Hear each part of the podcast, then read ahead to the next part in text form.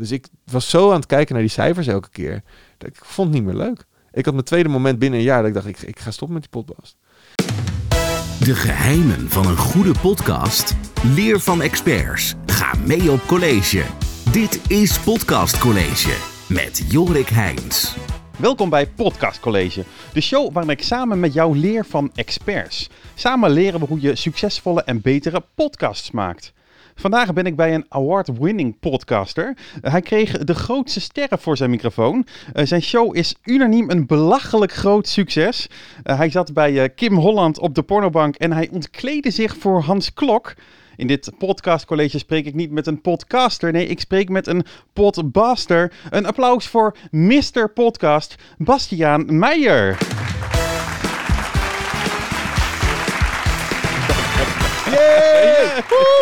Het is toch leuk als je dat zo hoort. Ja, nou zit je eigenlijk vaker aan de, de, de, de, de andere kant wel eens van nou, de heel af en toe. niet? Heel af en toe. De laatste tijd komen er wel mensen die vragen: hey, hoe doe je dat nou met zo'n podcast maken? Jij bijvoorbeeld. Ja, ja. Maar ehm, eh, ja, ik vind het toch altijd wel even lastig. Want ik ben in gesprekken vooral gewend om zelf de regie te houden. Om eh, zelf in de gaten te houden van hé, hey, waar gaan we heen? En nu ben ik heel erg bezig met oké, wat ga ik dan vertellen? En is het niet te lang het verhaal? Zou die gaan knippen straks in wat ik ga zeggen? Dat doe, doe ik sowieso. Ja, Ja. Dus ik hoop dat je alleen de goede delen overhoudt. Ja nee, nee, is goed. Dan gaan we vanzelf werken. Je hebt, eh, nee, we kennen je van, eh, van Podbast. Jouw, eh, jouw podcast, volgens mij inmiddels al het derde seizoen waar je mee bezig Ja, bent. klopt. Klopt, zeker. Had je eigenlijk ooit gedacht dat, dat Podbast zo'n succes zou worden? Nou, eigenlijk was het idee maar om vijf afleveringen te Ja. maken. Het, eh, het begon ooit als een, eh, een, ja, een idee. Ik was aan het afstuderen en het ging over eh nou ja, podcasts. En ik dacht, Mhm. ja, ik wil dat ook gaan doen. Maar ja, waar, verzin maar eens wat. Weet je, verzin maar eens wat om te gaan doen. En toen dacht ik, op een gegeven moment zat ik, was ik aan het fietsen. En toen dacht ik, nou, als ik nou eens een podcast ga maken over succes. Ja. Want ik merkte zelf dat ik vaak met mensen sprak over, hey, als ik ze tegenkwam, hoe heb jij dat nou gedaan? En wat kan ik voor jou leren? Toen dacht ik, nou oké, vijf mensen, dat moet wel lukken. Dan was Paul van Gorkum, dat was de Baron, dat en Adriaan, Willy Broert Friquet, eh, Henk Blok. Nou, dat waren er in ieder geval drie. Eh, nieuwslezer is dat van eh, nu bij Mhm. Veronica. Ehm, en toen dacht ik, nou, dat moet, wel, dat moet wel lukken. En uiteindelijk werd dat, vond ik het eigenlijk ook wel leuk. Na vijf afleveringen had je toen al een bepaald eh, aantal luisteraars? Of was het eh, dat je daaruit de motivatie kreeg? Of vooral uit dat je de gesprekken zo tof vond? Nou, ik wilde eigenlijk stoppen na vijf afleveringen. Want ik Ja, was maar daar- waarom ben je doorgegaan dan? Nou, omdat ik was op een gegeven moment, eh, kwam ik met een radiocoach, Jantien, zat ik erover te praten. Zei, Bas, je moet nu niet stoppen. Dat zou echt zonde zijn. Maar ik dacht, ja, ik, ik ben redelijk snel verveeld altijd Mhm. zelf. Dus ik dacht, ja, weet je, en dan ga ik weer diezelfde vragen stellen. Maar de invulling, ben ik ook achtergekomen, dat is elk gesprek is dat anders. En in het begin, zeg maar de allereerste afleveringen, dat zijn gewoon ja, gesprekken. Er zit, er zit wel iets van structuur in, maar nu Mhm. niet heel veel. En tegenwoordig is het best wel gestructureerd. Tenminste, ik hoop dat het zo overkomt. Eh, weet je, van tevoren ga ik erheen en dan denk ik, oké, we gaan het eerst hierover hebben, dan daarover, dan daarover. Terwijl als ik mijn eerste podcast terugluister, dan denk ik, ja, je hebt wel een verhaallijn bedacht, maar je hebt het niet helemaal uitgedacht. Dus daar groei je ook in. Je hebt er nu, hoeveel heb je er gemaakt inmiddels? 36. 36. Maar als je kijkt naar de eerste podcast, nou daar zat ook geen, geen video bij. Nee. Dat was volgens mij, als ik het goed heb, in de tuin bij Paul van Gorkum eh, eh, eh, opgenomen. Om, ongeveer. om en nabij. Het was, Ja. het was bij hem binnen. Het idee was bij hem in de tuin bedacht. Uiteindelijk was dat dus ook de reden waarom ik met podcast begon. Wat je net zei, hè, in die tuin. Ehm, toen vertelde hij mij een verhaal over dat hij wel eens weggelopen is uit een theater. Omdat het niet helemaal ging zoals hij wilde. En dat was volgens mij naar aanleiding van commentaar wat ik een keer kreeg op mijn stage. Of hey, hoe ga je er dan mee om? Moet je alles maar slikken? Moet je, ja. nou, eigenlijk ook weer een van de thema's in de podcast. Ja. En toen dacht ik, ja, weet je, als ik die gesprekken zelf voer, dat is leuk. Maar als ik ze opneem, misschien kan ik mensen er nog mee inspireren. Ja. En eh, inmiddels heeft ervoor gezorgd dat jij hier nu weer bij mij zit. Met je hele filmstudio. ja, want je zei na vijf afleveringen wilde je stoppen. Toen ben je toch doorgegaan. Ja. Hoe moet ik me dat voorstellen? Wat was de podcast na vijf afleveringen? Kreeg je al reacties van mensen? Had je al luisteraars? Of was het eigenlijk jawel, meer... eh, jawel. Het was wel. ehm, het lag een beetje. Het ligt een beetje aan welke aflevering. Bij mij is het heel erg afhankelijk van de gast hoe hard het scoort en hoeveel eh, views of plays het krijgt. Maar mijn derde gast was Arjen Lubach. Oké, en ja, dan, dan, dan zie je dat wel gaan.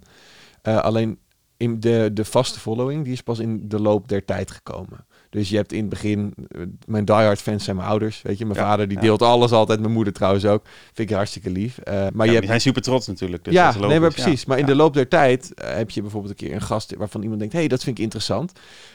Ik ga dit ook volgen. En daarom had ik bijvoorbeeld ook niet geopend met Arjen Lubach. Want dat Mhm. vroegen mensen eens van, ja, waarom start je dan niet met Lubach? Want die eerste drie gasten, die had ik dus al staan voordat ik ging publiceren. Ja, ja, ja. Toen dacht ik, ja, maar stel dat ik nu met Lubach open. En ik weet dat Lubach, dat, dat gaat mensen brengen. Mhm.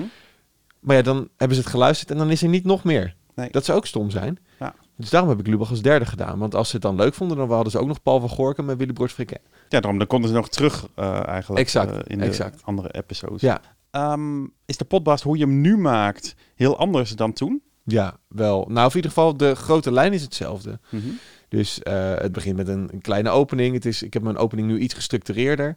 Dus eerst was het gewoon, wilde ik echt dat gevoel alsof je bij Paul van Gorkum in de tuin zat, weet je. Dus Mhm. je valt midden in een gesprek, zeg maar. ja. Dus ik heb bijvoorbeeld bij eh, Edwin Rutte, oma Willem, was het op een gegeven moment, welke knopjes moest ik indrukken? Want hij zei dus daarvoor dat hij vroeger een, een opnamerecorder had, eh, Oké, ja. een opnameapparaat had gehad en dat hij bepaalde knop moest indrukken. Dus echt gewoon dat je met een zin in één keer er Mhm. zit. Maar toen kreeg ik wat feedback van mensen die zeiden, ja, dat is hartstikke leuk, maar potbast, dat zegt aan zich niet zo heel veel. Het is niet de 100% eh eh jij gaat je carrière Ja, maken podcast ja, of iets. Ehm, Oké, dus ik moet het wel even uitleggen. Maar dat vond ik dan wel weer lastig, want hoe ga ik dat dan doen? Terwijl je ook het huiselijke hebt. Toen dacht ik, nee, maar ik kan het ook in twee zinnen doen. Dus nu open ik vaak. Hoi, en leuk dat je luistert naar de Podbast, de podcast over succes, dealen met kritiek en lessen van succesvolle mensen. En dan kunnen we door. Ja, Weet je wel? ja, Dus ja. Heb je even geankerd. Precies, dus het is even gewoon, dat is de potbas. Als je het luistert, dan weet je dat. Kijk, en als je de YouTube-versie kijkt, dan, dan zie je ook wat Mhm. mensen in het introotje zitten. Maar Ja. dat is bij de audioversie allemaal niet. Ja. Want de basis is de audio. En dat is, als je met video gaat werken, dat, misschien dat jij dat ook merkt, omdat je ook alles op beeld opneemt, dan gaat de focus meer naar video. Maar als de audio kut is, dan is alles kut. Klopt. Weet je, je kan... eh, je video, daar kom je nog vaak wel mee weg als mensen zien van, oké, het is niet helemaal goed gedaan, maar het, het klinkt goed. Maar als de audio kut is en je video is goed, dat, dat werkt gewoon niet. Maar bijvoorbeeld met, eh, vanuit, ik denk ook wel vaak vanuit audio. Dus op een gegeven moment, ik zat bij Hans Klok. Mhm. ehm, en toen dacht ik, oké, het is wel leuk om even iets met dat cliché van die waaier te doen. Dus Ja. ik had een ventilator meegenomen. Ja. Nog steeds dank aan mijn buurvrouw Lisanne voor het lenen. Ehm, maar toen dacht ik, oké, maar ja, dan heb je ventilator, dan zie je zijn haar wapperen. Dan heb je als luisteraar dus geen zak aan. Nee, het is nog vetter als die microfoon, die wind vol op zijn microfoon Ja, staat. ja, ja. Dat je gewoon, hoort. zelfs als je het niet ziet, eh, dat, dat je denkt van, hé, maar is het nou echt of niet? En dan ga je even kijken, ja, het is echt. Oké, maar dat, dat vind ik dan leuk. Weet je, het hoeft niet allemaal perfect te zijn, Nee. als de beleving maar goed is. En je vroeg dus er straks, hè, van, is het, is het nog steeds hetzelfde Mhm. als eerst? Ehm nee, het introotje, dat heb ik dus aangepast. Maar voor de rest is het eigenlijk grotendeels hetzelfde. Dus daarna komt eh, een klein paspoortje met de info van de gast. Hè, volledige naam, leeftijd, dat. Mhm. Dan hebben we een kleine, eh, even een kleine talk van... Hey, wat wilde je worden eigenlijk toen je klein was? Wat is de eerste aanraking met je beroepsgroep geweest? En dan komt er een klein een voorstelfragmentje. Ehm, maar in dit geval dacht ik, oké, dus waarom, waar, maar waarvoor ga ik zo'n voorstelding dan gebruiken? Ja, ik kan even kort zeggen wie het is, maar mensen klikken het aan, dus ze weten al wie het is. Oké, maar als ik nou alle info die al bekend is over de gast in zo'n Mhm, voorstelfragment ja. doe, dan hoeven we het daar niet meer over te hebben. Dus dan kunnen we al die clichés kunnen we voorbij, of we kunnen er dieper op in, omdat het al besproken is. Slim. Ja, dank je. Nou, bedenk ik me eigenlijk, we hebben jou eigenlijk nog helemaal niet voorgesteld. Nee, dat, nee, nee hoi. Nee. nou, als je even je hoofdtelefoon op doet. Oh jee. Kijk, ik denk, ik, eh, eh, ik kan dat zelf proberen. Eh, maar ja, er zijn natuurlijk mensen die dat beter kunnen. Goed. Ehm, een aantal jaar geleden kwam ik per toeval bij de radio terecht. En vanaf dat moment was ik er niet meer weg te slaan. Ik ging journalistiek studeren omdat het het dichtst bij radio lag wat ik me kon bedenken. En werkte voor verschillende grote media. Afgelopen jaar ben ik afgestudeerd als journalist. En op dit moment werk ik als producer bij Radio 538. Oké, en dit is een goed moment om even te stoppen. Ja, dat leek mij nou ook, want dit is al eh, iets ouder dat je dit over jezelf hebt eh, ingesproken, want je werkt niet meer eh, eh, bij Ik zat echt te 538. denken, waar komt dit vandaan? Maar dit was mijn sollicitatievideo. Ja, ja. video. ja. ik dacht, hè? Sorry, ja. Dus, maar eh, daarom, je, je, je zat bij, eh, bij eh, eh, 538. eh, ja, je bent nu eigenlijk eh podbaster. En je doet dus eh, freelance eh, eh, werk vooral. eh. ik hoorde dat jij vier tot vijf dagen bezig bent met één aflevering van de podbast. Ja, en dat is dan nog ruim, smal genomen, zeg maar. Dit is, ehm, ja, er gaat best wel wat in zitten. Je bent, moet natuurlijk een gast regelen. Mhm. De research voor een gast. Ik krijg daar gelukkig wat hulp bij af en toe. Ehm, omdat het best wel veel is om ook alleen te doen. Zeker, kijk, en dat is ook weer een verschil met hoe Podbast eerst was en hoe het nu is. Mhm. Kijk, eerst was het zo dat je, je las wel wat dingen, hè, maar oppervlakkig, eh, of in ieder geval de grote lijnen wist je dan. Maar nu wil ik eigenlijk, als ik ergens zit, bijna weten hoe de eerste hond van de gast he- heette, weet je. En als hij geen hond had, hoe de kat dan heette. Weet je, dus omdat je dan weet je het. En dan kun je ook daarop weer doorvragen. Bijvoorbeeld Hans Klok. eh, die heeft ooit ergens in een interview, volgens mij bij de EO, een keer gezegd dat hij christen is. En dat Ja. hij bidt voor elk optreden. Ja. Ik had dat nergens anders gezien. Maar doordat je er dusdanig diep ingaat, dan kan je daar ook op doorvragen. Oké, maar hoe gaat het dan, dat bidden? En eh, wat is dan precies dat? Kan ik daar zelf een aansluiting mee vinden? Ja, ik ben christelijk opgevoed. Oké? Dus op zo'n manier denk ik daar dan over na. Eh, en daar, daar gaat dus één à twee dagen al in zitten in de research. Nou, dan moet je het gesprek nog voorbereiden. En dan, maar dat doe ik vaak door eh, de research een beetje in te laten dalen. Ehm, en dan vaak tijdens de- week, dan kom je er al... Oh ja, hey, dat is misschien wel interessant. Dat is en als ik dat nou eens zo aanpak... Kijk, als je een, een research dossier hebt en je moet gelijk creatief gaan zijn, dat werkt niet. Dus net als met Hans Klok, dan denk ik, oké, wat kan ik daarmee? Ja, iets creatiefs, oké. En ik wist het niet. En op een gegeven moment dacht ik, hé, hey, een waaier, dat zou misschien wel leuk Ja. zijn. Of bijvoorbeeld bij Rob Camps, ehm, vond ik in de research dus, hij is heel erg van de Franse chansons. Oké. En dat wordt in veel interviews wordt ook gezegd, hè, Jacques Brel. eh, en dan zou ik nu allemaal andere chansonnees moeten Mhm. opnoemen die ik in één keer kwijt ben. Ja. Ehm, en toen dacht ik, ja, wat, wat moet ik daarmee? Weet je, net als, eh, oké, dat- dus dat was punt 1. Punt 2 is, hij is snollebollekes. Eh, maar ja, daar gaat het ook wel vaak over natuurlijk. En hij zit er als Rob, dus wat kan ik daarmee doen? Ja, hm. dus ik was een boek een beetje aan het lezen, ook over die Franse chansonniers. En toen dacht, stond er ergens van, hij zou wel een keer in Parijs willen optreden. Alleen, hij denkt dat het Franse publiek de muziek van snollebollekes niet heel goed trekt. Dat Hoenpapa, dat is er niet Oké, echt, nee, zeg maar. nee. Toen dacht ik, in één keer dacht ik, hé, hey, ik ken iemand die chansons zingt. Zal ik haar eens vragen of zij een Franse versie kan maken van links-rechts? Ja. Dus nou, ik bel daarop, Machteld. En Machteld was super enthousiast gelijk. Ja, dat ga ik doen. Nou, die is studio ingedoken met een accordeonist. En nu hebben we à droite à gauche. Oké. Dus een, ik zal hem je zo even laten Ja. horen. Eh, Tout le monde de droite à gauche et a des plombs à péter. À droite. À gauche. Ah, dit is wel een hit hoor. À droite. À gauche.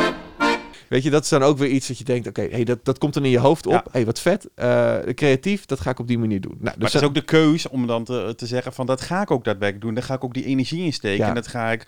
Ja, maar kijk, als je zeg maar kosten-baten tegen elkaar Mhm. op zou zetten, dan kost de potbast heel veel. En Ja. wat levert het op? Qua geld, niks. Goed, dus dan hebben we de, de, de research gehad, de creatieve ideeën bedacht. Nou, dan Ja, ga ik de opname ja. doen. Dat is een halve dag vaak ongeveer. Dan ga je op pad. Nou, dat vind ik eigenlijk een van de leukste dingen van de opname, eh, van, de, van het hele proces. Omdat je dan daadwerkelijk zit. Je hebt je voorbereid. Sven Kokkelman die zei dat ooit over zijn interviews, ook, ook in de potbast. Hè? Eh, die zei van, ik doe mijn voorbereiding, de gast doet zijn voorbereiding en we zien elkaar in de arena. Dus in de, in de, in de, in de studio. En dat is wel leuk, want je hebt dus allemaal ideeën bedacht. Je hebt creatieve invalshoeken bedacht, hoop je dan. En dan ga je zien hoe een gast erop gaat reageren. Ja goed, dan ga ik dan na het interview naar huis. 9 van de 10 keer ben ik helemaal, helemaal amped. En dan ga ik vrienden bellen en zeggen... Oh, en dit zeiden ze toen en dat zeiden ze toen. En helemaal blij. En dan kom ik thuis nog steeds kwispelen. Dan ga ik mijn eerste montage al maken. Nou goed, en dan de dag daarna ga ik nog een keer kijken. En dan denk ik, hoe heb ik deze knippen kunnen maken? Hoe, hoe heb ik gisteravond niet kunnen zien dat dit niet synchroon lag met elkaar? Omdat ja. ik, eh, ik monteer eh, audio en video. Mhm. Eh, en ik begin dan altijd met de video. Want het is lastig om eh, de audio eerst te gaan Mhm. maken. En dan je video knipt. Ja. En dan leg je het onder elkaar. En dan klopt het helemaal niet meer. Want je hebt geknipt. Ja. Oké, nou dus ehm, dan maak ik eerst de videoknip. Eh, en dan ga ik het allemaal synchroon leggen. En, zo, en dan ga ik de audio nabewerken. En dat duurt allemaal. Dat is ook alweer één à twee dagen werk. Nou, dan stuur ik het aan een proefpubliek toe. Daar zit, mijn vader zit er bijvoorbeeld in. ja. Maar ook Henk Blok, de derde gast in de potbal, of de vierde gast. En ook een vriend van me. Eh, en zo heb ik wat mensen die dat allemaal gaan bekijken. En die dat elke keer eh, even kijken. En die zeggen dan, hey, dit klopt niet, het knipje is niet goed. Of eh, dit is allemaal wel goed. hey, wat een inspirerend En gesprek. die kijken heel kritisch dus Ja. naar... Ja. want- voordat je hem live zet op YouTube. Ja, want op een gegeven moment zie je het zelf ook niet meer. Weet je, als een gesprek live gaat, heb ik het denk ik al dertig keer gezien. Weet je, de, en dan, dan op een gegeven moment denk je, ja, weet je, dat knipje is voor mij volkomen logisch. Want ik weet dat de, camera, de ene camera toen ophield. Eh, en dat daar, dat dus, eh, terwijl als dan Fleur die in mijn redactieteam zit, die zegt, dan, ja, maar Bas, dit is een knip. Dat hoor je zo. En dan schakel je met beeld. Dat ziet er niet uit. Nee, maar ik kan het niet oplossen, want dit is wat Ja, het is. ja. Oké, oké. Maar goed, wel goed dat ze het ziet. Ja. Weet je, dus daarom vind ik het heel fijn dat andere mensen het kijken, want die kijken toch anders dan jij. Ehm, en het is heel goed om je eigen werk te checken, maar soms zie je het op een gegeven moment echt niet meer. Weet je, je weet op een gegeven moment wel van, hey, dit is een leuke quote, of dit, en dat komt ook met de tijd natuurlijk, hoe vaker je het doet. Maar op een gegeven moment is het wel goed om het even te laten checken. Weet je? Maar is dat dan niet raar om eigenlijk zoveel eh, werk te steken in iets, ja, wat je tussen aanhalingstekens eh, gewoon maar op YouTube zet? Zeker. Dat is raar.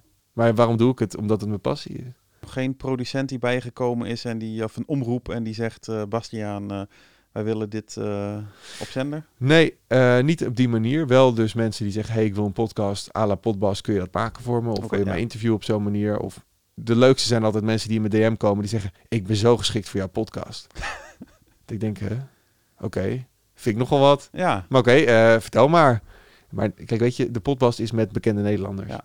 Dus dan kan ik niet eh, Piet uit Hendrik Ido Ambacht die bij een supermarkt werkt. Eh, dat past niet binnen het concept. nee. Weet je, en dan kan je verhaal supergoed zijn, Mhm. hè? Maar dat past niet binnen het concept. En dat is dan wel... Ja, ik ben gewoon super eigenwijs erin. Ja. Maar het is ook mijn product. En maar daardoor wordt je product toch ook goed door eigenwijs te zijn? nou, niet altijd, want soms kan je ook koppig zijn. Maar goed, kijk, weet je, op een gegeven moment... Ik ja, doe maar als je er te veel in meegaat en te veel je oren laat hangen naar Ja. de mening van iedereen die wat roept. Ja, nou ja, goed. Kijk, weet je, op een gegeven moment... ehm, ik denk altijd als de keuze wel overwogen gemaakt is, dan is het goed. Weet je, als mijn proefpubliekje, zeg maar, Mhm. zegt van... Ja, maar Bas, dit is echt... Ik zou dat echt niet... Ik zou je introotje echt anders doen, man. Maar ik denk dat het goed is. Ja, dan blijft het zo. Ja. Ehm, terwijl als... En soms vraag ik dan, oké, maar wat is er dan niet goed aan? En dat is altijd heel belangrijk om te Mhm. vragen. Net als dat mensen compliment geven. Maar wat vond je er dan goed? En dat heb ik geleerd van Barend, waarmee ik werkte bij de Ja, radio. Als, die had dan wel eens wat gemaakt. Zei ik, ik vond het echt goed. En dan vroeg ik, maar wat vind je er goed aan dan? En die vraag ben je eigenlijk nooit gewend. Nee. Omdat je altijd denkt dat mensen denken, oh ja, superleuk. hey, super, dankjewel. En dat is natuurlijk ook superleuk als mensen het leuk vinden. Maar wat vind je er goed aan dan? Vertel het eens. Wat vind je er goed aan? Oké, oké, dus dat, datgene waarvan ik dacht, dat is niet goed. Oh, dat vind jij dus wel leuk. Maar, Ja. Oh, oké. Maar daar leer je ook het meest aan Ja. om die vraag te stellen. Niet alleen als iemand zegt ik vind ruk, ja wat vind je er ruk aan? Maar Ja. dus ook ik vind het goed, wat vind je er goed aan? Dat is wel een slimme. Ik heb bijvoorbeeld bij de potbas van Maarten van Rossum stond een fontein op de achtergrond. Ja. Ik denk, nou, mijn, eh, ik heb hetzelfde paneeltje als jij, de, de eh. Roadcaster. Eh, en die Roadcaster heeft er al een paar keer voor gezorgd dat achtergrondgeluid keurig weggefilterd werd. Dus eh, bij de podcast met Ruben L. Opheimer werd ernaast geboord, hoorde je niks van. Bij Lucille Werner kwamen de bladblazers blazers langs, hoorde je medium wat van. Ehm, maar bij Maarten van Rossum stond er een fontein op de achtergrond. En de Roadcaster dacht, oh, maar dit hoort gewoon, bij, dit hoort gewoon in de omgeving, zeg maar. Dus Ja. dat is goed. Laten we de hele tijd erachter staan. En toen kwamen de comments op YouTube van, ja, jezus man, letterlijk, als je een bekende Nederlander interviewt, doe het dan verdomme goed. Ik dacht, oké, maar je kijkt nu alleen naar de vorm, Ja. niet naar de inhoud. Dus eh, ja, daar probeer ik dan een, be- eh, probeer ik dan een beetje eh, op te reageren wel, maar ook weer niet te veel, want ja, weet je, iedereen heeft zijn mening, weet je. En 9 van de 10 keer gaat het over de gast. En in dit geval was het iemand die ook nog zei eronder van, ja, dan moet ik, el- ik moest elke vijf minuten naar de wc lopen. Denk, dus daar heb ik Ja. gereageerd. Nou, weet je, ik denk dat het makkelijker is dat je dan op de wc blijft zitten terwijl je hem verder kijkt. Ja, En dan is het vaak ook wel goed. ja. Weet je wel? Dus Seizoen 2 ben je begonnen met het, met het maken van video. Heeft dat eigenlijk voor jou heel veel veranderd? Ehm, ja, eh, als in het publiek is veel groter geworden. Ik, seizoen 1 was dus de eerste 13 afleveringen Mhm. waren alleen op audio. En op eh, YouTube had je wel een videoversie, maar dat was gewoon het Potbas logo wat bewogen. Ja. Ja, daar ga je ook niet heel lang naar kijken. Maar er waren mensen die zeiden, Bas, ik vind het heel leuk wat je doet. Alleen ik kan die gesprekken, ik kan gewoon niet drie kwartier luisteren. Vind ik veel te lang. Eh de potbas is ook langer geworden trouwens. Eh, het was eerst tussen de 35 en 40 minuten, omdat dat de ideale lengte is hè, voor een Mhm. podcast. Maar ja, toen dacht ik ook, ja, ik moet nu soms zulke goede verhalen wegknippen. Ja, laat maar zitten. Weet je, als mensen het niet langer willen horen, dan... Maar bijna iedereen Maar luistert de als het goed aflevering is, dan luisteren mensen wel door, toch? Ja, 75 tot 80 procent luistert de hele aflevering, zeg maar. Dus dat is best wel, best wel nice. Eh, maar toen ging ik beeld erbij maken. Dat was best wel wat gedoe dat ik een video ging maken. Ik heb wel van mensen teruggekeken, wat de fuck man, je maakt een podcast, doe eens even normaal. Dat ik dacht, ja maar, oké, de mensen die willen luisteren, die kunnen luisteren. De mensen die Mhm. willen kijken, die kunnen kijken. Ja. De audioversie is er nog steeds. De videoversie is er ook. Ik vergroot alleen mijn doelgroep. Eh, en soms is het gewoon lekkerder om even te kijken of om even te luisteren. Dus het is niet dat ik in één keer naar YouTube ga en die, video, die audioversie gewoon laat voor wat het is. Nee. Het is dezelfde kwaliteit, alleen je hebt een extra product erbij. Dus ik heb vooral mezelf ermee dat ik nog meer moet doen. Weet Ja, je, dus ehm, en uiteindelijk zie je dus nu dat veel meer mensen het gaan doen. Eh, en dat de meeste podcasts eigenlijk ook wel met beeld te zien zijn.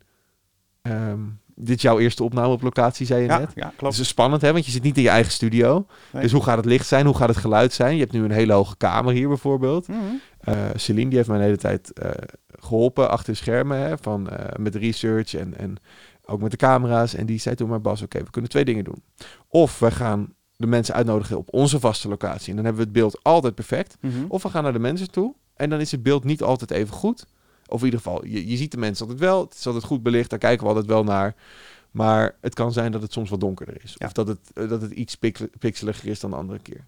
Toen dacht ik ook, ja. Weet je, naar de mensen toe gaan is zoveel leuker. Mhm. Weet je, je zit in één keer bij... eh, het voelt ineens als enorm veel main- name dropping. Zo bedoel ik het niet. Maar het is gewoon eh, herinneringen die nu boven Tuurlijk. komen. Weet je, je zit in één keer bij, bij Carrie Slee, de kinderboekenschrijfster, aan tafel. In haar huisje. Weet je, of in de studio van RTL Nieuws hebben we een podcast opgenomen. Ja, dat is dus super vet. Of in de, nou, bij Hans, eh, Hans Klok in de loods. Ja. Weet je wel, dat... En dan denk ik, ja, weet je, als we dan iedereen in onze eigen studio zouden uitnodigen, zou het ook wel stom worden. Nou ja, het wordt iets spannender, denk Ja. ik. Als jij kan kijken, eh, net zoals dat je bij een, bij een BN'er thuis zit. Ja. Ja, daar worden hele televisieprogramma's voor gemaakt. eh, en dan hebben ze niet eens een goed gesprek. Maar dat is alleen maar binnenkijken eh, bij een BN'er. Dus Ja. het, het geeft toch ook iemand in zijn eigen omgeving. Ja, en En- mensen zijn vaak meer op hun gemak, Ja. hè?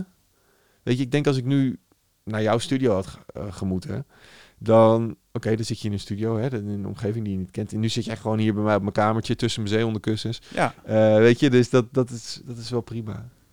Weet je, dat is ook wel... Ik heb ook wel dat ik dan terugkom van een opname en dat het beeld veel te donker is. Want ik heb bijvoorbeeld geen lampen mee. Maar dan denk ik altijd, ik maak een, opna eh, een podcast en geen tv.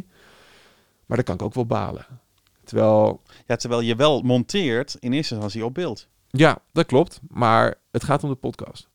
Ja, want eh, eh, heb jij daar, daar inzicht in? Misschien is het eh, secret information. Maar als je kijkt naar hoeveel mensen de podcast kijken en hoeveel hem luisteren. Ja, nou het ligt eraan. ehm, kijk, de meeste podcasts halen de media. Dus Telegraaf, die is een groot afnemer, plaatsen dan de YouTube-versie eronder. Dus dan zie je ja. in, de, in de views dat het omhoog gaat. Maar zeg maar op eigen kracht gaat de luisterversie gaat harder. Oké. Dus dat je, dan word ik ochtends wakker en nou, dan staat dat ding twee, drie uur online. En dan zit hij al op 200 plays. Dan denk ik, oké, dat zijn dus 200 mensen die al hebben geluisterd zonder dat ik die podcast heb aangekondigd. Ja, of in ieder geval, ik heb hem aangekondigd van, hé, hij komt er morgen aan. Maar voor de rest, ik heb geen, hij staat nu online, iets. Dat vind ik dan wel bijzonder al, 200 mensen. Ja. Terwijl aan de andere kant, als ik dit zo hoor, dan denk ik ook wel, ja, weet je, 200. Waar hebben we het over, weet je? Ik ben ook de Hilversumse mediagetallen gewend. Ja. En als je daar 200 haalt, dan word je dezelfde dag nog van zender gehaald, zeg maar. Weet je wel? Dus aan de andere kant, maar op een gegeven moment ging ik daar te veel naar kijken, naar die cijfers. En dat was seizoen 2. Eh, Lange Frans, Sylvana Simons. Lange Frans was de eerste die hard ging. Die echt hard ging. Eh, Gerard Ekdom ook. Die gingen echt als een malle. En alles eromheen, dat ging, ja, het ging wel goed. Maar het is niet die paar duizend binnen een week. Huh. Oké, maar zijn ze dan minder goed? Ja. Dus ik was zo aan het kijken naar die cijfers elke keer. Dat ik vond het niet meer leuk. Ik had mijn tweede moment binnen een jaar dat ik dacht, ik, ik ga stoppen met die podcast. En op een gegeven moment ben ik zelf helemaal in elkaar eh, gedonderd dat ik niet meer wilde werken en noem maar op. En toen zei ik ook tegen mijn beste maatje van, joh, die podcast die kan me echt gestolen worden. Het kan me echt, als we het vandaag offline zouden halen, het zou me geen zak eh, kunnen schelen. En dat was dus, een van de redenen was dus omdat ik alleen maar naar die cijfers aan het kijken was. En dat je een podcast online zet en dat je denkt, ja, weet je, de, de, de vorige die haalde, eh, wat is het, 4000 binnen twee weken. En nu zitten we op 116 plays op YouTube. Dat is ook wel Ja, sneu. dat je daar eigenlijk eh, ja, op neerkijkt. Ja, terwijl het zijn ook 116 mensen die mijn gesprek al geluisterd Ja. hebben. Weet je wel? En uiteindelijk is één reactie meer waard dan die 116 plays. Weet je, dus als iemand zegt, hey Bas, ik heb het geluisterd. Wat een inspirerende dame, die uh, Sylvana Simons. Uh, ik heb er echt wat aan gehad. Dank je wel. Ja. Dat is voor mij zo veel beter dan honderden of duizenden plays. Ja, want maak jij de podcast voor jezelf of voor de, voor de luisteraar slash kijker? Ik denk een beetje voor beide. Kijk, er zit voor iedereen wat in. Maar hoofdzakelijk is het gewoon mijn hobbyproject, mijn grote Ja. zelftherapie. Weet je, want de vragen die ik heb over mijn carrière, die vraag ik aan mensen die ook carrières hebben. Ja, hoe fucking vet is dat? Ja, maar kijk, toen ik het zo ben gaan zien, toen begon ik het weer leuk te vinden. Toen, dat was zeg maar ook voor mij toen ik uit die, die overspannenheidperiode Mhm. kwam, zeg maar. Van, oké, eh, ik ga dus nu de mensen nodig... Ik mag bij deze mensen komen om over mijn dingen te praten. Ze maken tijd voor mij. Eh, ja, hoe vet is dat? Ik, Ja. ik, ik mag mijn idolen ontmoeten en ik mag ermee praten. En ze, stel, ze leggen hun hart op tafel omdat ik vragen stel. Toen dacht ik, ja, maar dat is eigenlijk vet prachtig, weet je wel. En, en je komt op hartstikke leuke plekken. En toen dacht ik, ja, weet je, zolang ik me ga focussen op die cijfers, dan word ik hartstikke ongelukkig. Of op het geld verdienen. Mhm. Kijk, en er zijn veel podcasters die kunnen heel goed geld ermee verdienen. Maar voor mij staat die, is die content zo heilig en ik ben daar zo beschermend op, dat ik het eigenlijk ook niet helemaal durf om eh, over met een adverteerder in zee te gaan of met een, met een sponsor of weet ik het. Ehm, maar mijn beste vriend, Wijsman, die zei toen ook van ja, maar Bas, die potbas, die betaalt zich indirect uit. Doordat jij dit doet, wordt je zichtbaarheid vergroot. Elke week, nee, je weet het zelf, je volgt me op LinkedIn. Eh, elke week of elke zoveel dagen krijg je weer een klap in je bek van... hé, hey, Bas heeft weer wat nieuws. En dat kan soms ook wel vervelend overkomen voor mensen, denk ik. Aan de andere kant, als je het niet wil zien, dan volg je me niet. En dat was ook weer een stap. Dus ik, ben, ik zit in één keer op mijn praatstoel. Maar dat Ja. was ook eh, een stap wat ik in het begin heel lastig vond. Dat ik denk, ja, oké, ik maak een podcast. Ja, er staat een nieuwe aflevering online. Jongens, hier piep. Nieuwe aflevering online. Superleuk. Ik, durf, ik durfde het niet uit te stralen. Oké, maar je, je was bang dat mensen niet op zaten te wachten? Dat, ik, dat mensen dachten, god, daar heb je weer met kut podcast. En eh, weet je, dus ik ben heel snel bang dat het te veel is. En dat ben ik nog steeds. En hoe ben je, oh, daar ben je nog niet overheen gekomen dus eigenlijk? Nou, wel, wel grotendeels. Oké. Maar op een gegeven moment denk ik wel, ja, als ik nou weer een podcast post plaats, dan denken mensen, die, die jongen is niks anders. Nee, dat klopt op dit moment ook eigenlijk wel. Kijk, en dat is een beetje een ding, normaal als een podcast uitkomt, dan eh, dat promo daarna, dat vind ik wel oké om te doen. Maar dat, ik ben eigenlijk met mijn hoofd er weer bezig met de volgende. Dus daar heb ik die wijze beste vriend weer, die dan zegt, ja maar Bas, kijk, jij zegt dat op een gegeven moment als het uitkomt. Het is voor, ik, voor mij voelt het soms echt als een bevalling. Weet je, mijn kindje is Mhm, eruit. En eh, ik heb daar zo hard aan gewerkt. En nu is het aan de wereld om te zeggen wat ze ervan vinden. Maar mijn volgende interview is ook alweer volgende week. Oh ja, daar moet ik ook weer voor voorbereiden. Terwijl eigenlijk voor de wereld begint het pas op het moment Ja. dat die podcast online komt. En dat is voor mij echt nog wel een groeipunt. Weet je, van hey, eh, oké, wel even laten zien dat die podcast er is. Maar niet dat het vervelend wordt.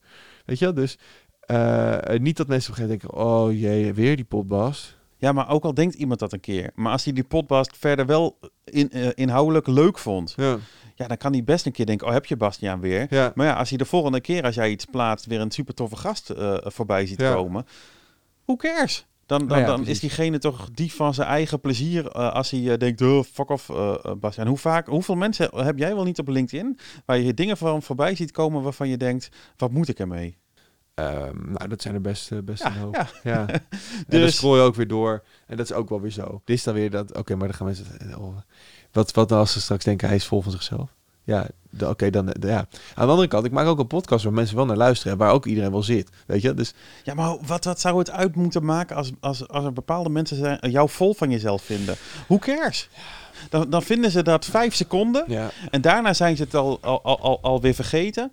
Ja, ja, maar het is persoonlijk dit. Omdat podcast, dat ligt zo dicht bij mij. oké. Weet je, dat... eh, eh, allereerst omdat mijn naam erin Mhm. zit en mijn bril. Eh, en het is een, een project waar ik zoveel tijd in steek. Als mensen dan zeggen, ik vind het stom. In het begin vond ik het echt kut als mensen het stom vonden. Maar nu vraag ik weer, hè, waar we het er straks over hadden. Ja. Maar wat vind je er stom aan dan? Ja, ik vind die gast niet leuk. Oké, ja, dan luister je die gast. Oh, het is persoonlijk op de gast. Oh, maar 9 van de 10 keer heeft het helemaal niks met mij te maken. Nee. Weet je, en dan heb je mensen die zeggen, ja, ik vind de naam stom, het zegt niks. Oké, nee, wat? Oké, je vindt de naam stom, daar kan ik niks aan doen. Dat het niks zegt, dat klopt wel. Want Potbast is niet de 100% succespodcast. Nee, maar goed, het is wel de podcast van Bastiaan. Punt. Dus, Exact. Oftewel, het is altijd met jou. Exact. Kijk, en op een gegeven moment dan... Kijk, wat mij heel erg ges- gesterkt heeft hierin... is op een gegeven moment dat ik die award won. Ja. De Online Radio Award voor beste presentator. En toen kwamen er ineens mensen die zeiden... Ja, maar het is zo verdiend hè, dat je deze prijs... Al dat harde werk. En toen dacht ik... Is dat zo? Oké. En dat mensen zeggen... Maar zie je dan niet wat je doet? Nou, heel eerlijk. Ik ben gewoon een interview aan het maken. Volgende ga ik weer naar de volgende. En af en toe is het wel lekker om er even op naar te Mhm. kijken. Maar...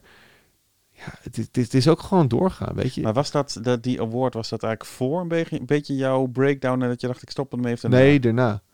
En heeft dat eh, ook en bijgedragen dat je daar weer meer energie mee kreeg? Was er ook een Ja, aanmoediging? het is wel, het is wel, wel gaaf natuurlijk dat je uitgeroepen wordt tot de beste presentator van, nou ja, van de mensen die erbij zaten. En Mhm. er zaten ook grote namen tussen. Weet je, Michiel Veenstra was ook een van, mijn, van de concurrenten.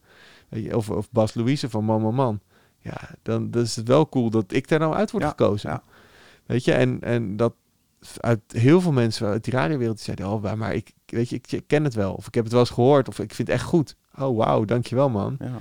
En in één keer voelde het voor mij alsof het ertoe deed.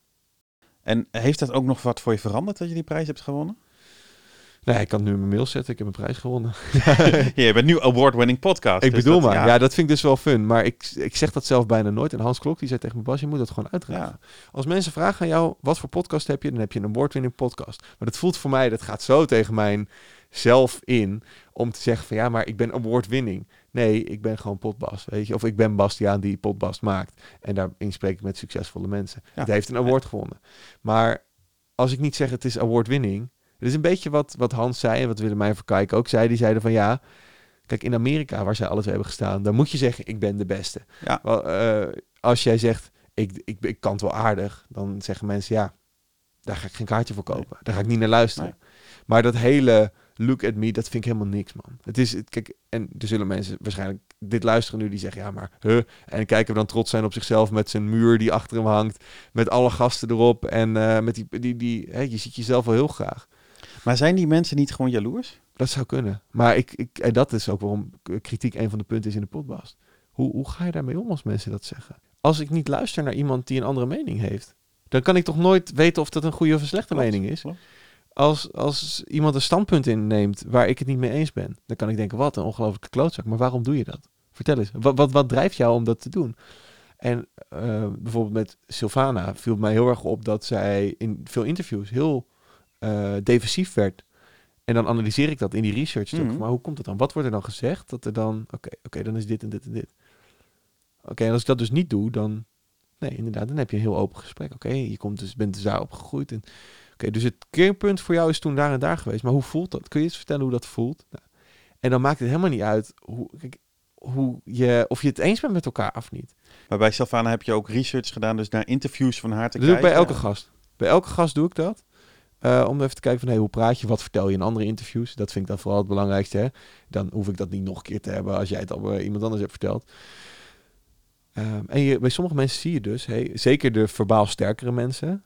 Eh, Oké, maar als dit en dit en dit gebeurt, dan sla je dicht. Oké, als ik daarnaar vraag, dan ga je huilen. Dat moeten we niet doen. Nee, nee, het moet wel. Moet, het mag emotioneel zijn, maar het moet wel positief blijven.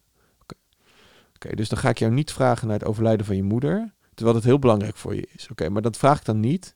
Weet je, dus zo, op zo'n manier Ja, denk je ja. daar dan over na. Ehm, maar je kan soms ook leuke trekjes van mensen zien. Als eh Jort Kelder, die vertelde dus op een gegeven moment... Ja, mensen die, die denken altijd dat ik aan de kook zit of zo. Omdat ik heel onrustig ben met mijn ogen. En dan, dan dwaal ik af. En dan als ik onrustig ga knipperen of ga kijken... En dan vind ik het heel leuk om dan later nog even te vragen... Oké, maar je zit nu een beetje onrustig te kijken. Vind je het saai? Ben je je boodschappenlijstje aan het maken? Weet je, en dat is denk ik waarom ik ook altijd heel moe uit een interview kom. Want het is voor mij een uur, anderhalf uur... om het beste te halen wat er te halen valt. Mhm. Je dan naar huis rijdt en denk ja, kut. Bijvoorbeeld bij Lange Frans had ik dat. Het ging over kritiek. Toen zei hij, ik krijg denk ik niet zoveel veel kritiek. Toen reed ik naar huis. Dat was allemaal voor, voor de hele heisa van een tijdje Oké, oké. Nee, dan eh, is het Nee. misschien nog iets beter voor te Ja. stellen wat nu... eh, Nee, nu, nu was er veel, eh, veel kritiek natuurlijk. Maar toen dacht ik, kut, ik heb dit helemaal gewoon voorbereid. Toen, dan kan ik balen, want dan was ik niet scherp. Ik potverdorie. Het, het fijnste vind ik altijd als ik naar back af naar buiten loop. Maar denk ik, ik heb de beste wedstrijd gevolgd die ik Ja, kon vechten. ja. Weer die arena, hè. We staan er tegenover elkaar. En een interview, dat is ook een soort eh, de dans of een soort bot- Mhm. bokswedstrijd, weet Nou, je. ik vind het eh, eh, geen gevecht. Ik heb juist het idee dat jij je gast dusdanig probeert op zijn gemak te stellen. Mhm. En dusdanig een veilige omgeving probeert te creëren. Dat je gast eigenlijk allerlei dingen gaat vertellen Ja. die hij nog nooit eerder verteld heeft. Nee. Nee, maar een gevecht kan ook dat zijn. Hoe doe je dat? Ehm, door heel goed te weten wie de gast is. Door je vragen scherp te stellen. En door heel erg te vragen naar persoonlijke dingen. En ik denk dat mensen veel vertellen omdat ik oprecht geïnteresseerd ben. Ja. Wat ik straks ook zei, ook qua gastkeuze. Ik zit bij jou omdat je boeiend vind. Niet omdat je een bekende Nederlander bent. Ehm, en als je dan merkt van, hé, hey, oké, hey, hij weet wel waar hij het over heeft. Met het voorstelfragment ook, hè, met alle algemene informatie. Als je dat hoort en dan denk je, wow, die gast heeft nu dus gewoon twee minuten over mij iets gemaakt. Dan denk je, oké, oké, nou weet je, oké, dus je bent oprecht geïnteresseerd, dan ga ik je wat vertellen. Ehm, stel andere mensen zeggen, ik wil ook een podcast beginnen. Ja, Ik ben net een podcast begonnen, Ja. dus eh, nou neem mij. Maar eh, wat was voor... die ene man in Nederland die nog geen podcast had zelf, hè? Ja. Maar als je eh, dan bekijkt van, goh, wat voor advies zou jij, jij vraagt natuurlijk je gasten ook altijd om, wat voor advies zou je Ja. een, jonge carrière maken beginnen? Mhm. Nou, dan vraag ik jou, wat voor advies zou jij een jonge podcaster eh, geven? Let op de kwaliteit. En neem niet gewoon maar genoegen met, oh, goh, we hebben twee eh, goedkope microfoontjes. En het hoeft allemaal niet duur te zijn, hè? laten we dat Mhm. vooropstellen. Maar als je geluid niet goed is of je... Ja, waarom doe je het dan? Waarom zeg je... Ik had laatst nog een gesprek met iemand van wie het geluid medium was. Zei, ja, ik ben er eigenlijk niet tevreden over. En mijn vraag is dan, waarom zet je het dan online? Ik kan me niet voor... Ik snap niet waarom je iets online zet waar je niet achter staat. Dus eh, zorg dat je kwaliteit goed is en dat je erachter staat wat je maakt. En de vraag die denk ik het meest relevant is om te stellen is waarom? Waarom ga je podcasten? Als, als ik mensen freelance moet helpen met de podcast, ja, waarom zou je een podcast gaan maken? Als je me dan kan vertellen waarom je een podcast wil gaan maken, als je erover na hebt gedacht, top. Weet je, maar waarom? Waarom, waarom? waarom is het relevant wat jij de wereld te vertellen hebt? En tegenwoordig zijn er heel veel mensen die gewoon maar content gaan maken om het content maken. Ja. Ik hoor ook mensen die zeggen, ja, we gaan een podcast maken, want het is zo gezellig wat mijn- beste vriend en ik altijd te bespreken hebben met elkaar. Ja, Oké, maar waarom zouden wij dat dan moeten luisteren? Zeg maar, zou je het zelf luisteren? Nee, dat denk ik niet. Ja, maar nee, maar oké, maar waarom zou je dan andere mensen dat wel gaan luisteren? Wa- wat je constant moet afvragen is, waarom ga ik dit maken? En zou ik het zelf kijken? Zou ik het zelf luisteren? Kraantje Papi, die zei ooit, en niet bij mij hoor, maar dat heb ik hem ergens anders horen zeggen van, als hij een single uit heeft, dan koopt hij hem altijd zelf.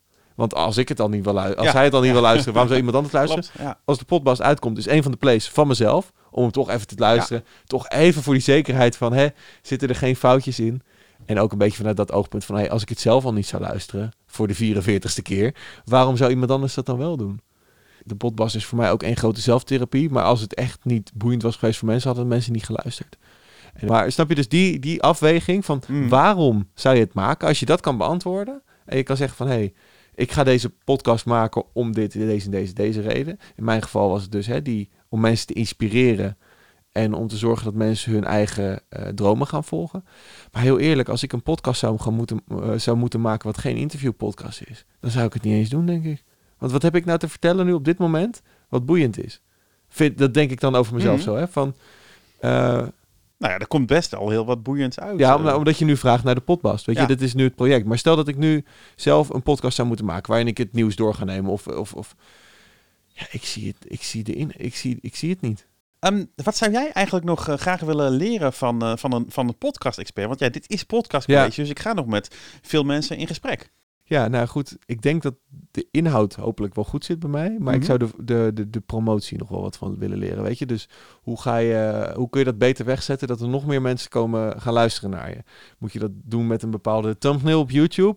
Moet je titel aan iets voldoen? Of moet je juist heel veel marketinggeld er tegenaan gaan gooien? Wat is precies nou de, nou, ja, de key om meer mensen te gaan bereiken? Ik denk dat dat wel interessant is. En anderzijds wat ik interessant vind is het commerciële deel. Dus oké, eh, ik, ik zou zo een sponsor eraan kunnen hangen. Ja. Hè? Ik zit bij Hans Klok en we hebben het over de beste aircon, eh, de air, hoe heet het, de beste ventilatoren. Ja, maar dan, dan ben je totaal niet meer serieus te nemen. Hoe kan je dat doen zonder dat je journalistieke content laat gaan? Dat vind ik een interessante vraag. Nou, ik denk dat dat eh, niet alleen voor jou, maar ook voor luisteraars en kijkers heel interessant is. Ehm, dus ja, ik zeg volg Podcast College, want ik ga het voor jou uitzoeken. Zeker, nou dankjewel. Volgens mij volg ik je al. Ja, ja, super. Ja, Nou, ik was volgens mij leuk. even de eerste volgers ook. Dankjewel. Ja. En eh, nou, we gaan eruit met een applaus voor Oh. Bastiaan. Oh, ja, ga ik weer voor mezelf klappen, net net. Dat lullig klapje. Wacht. Je college gaat verder op podcastcollege.nl. Daar staat wat voor je klaar, dus check het op podcastcollege.nl. En vergeet je niet te abonneren op onze podcast en ons YouTube-kanaal. Dan zien we je de volgende keer weer en krijg je van ons een duimpje.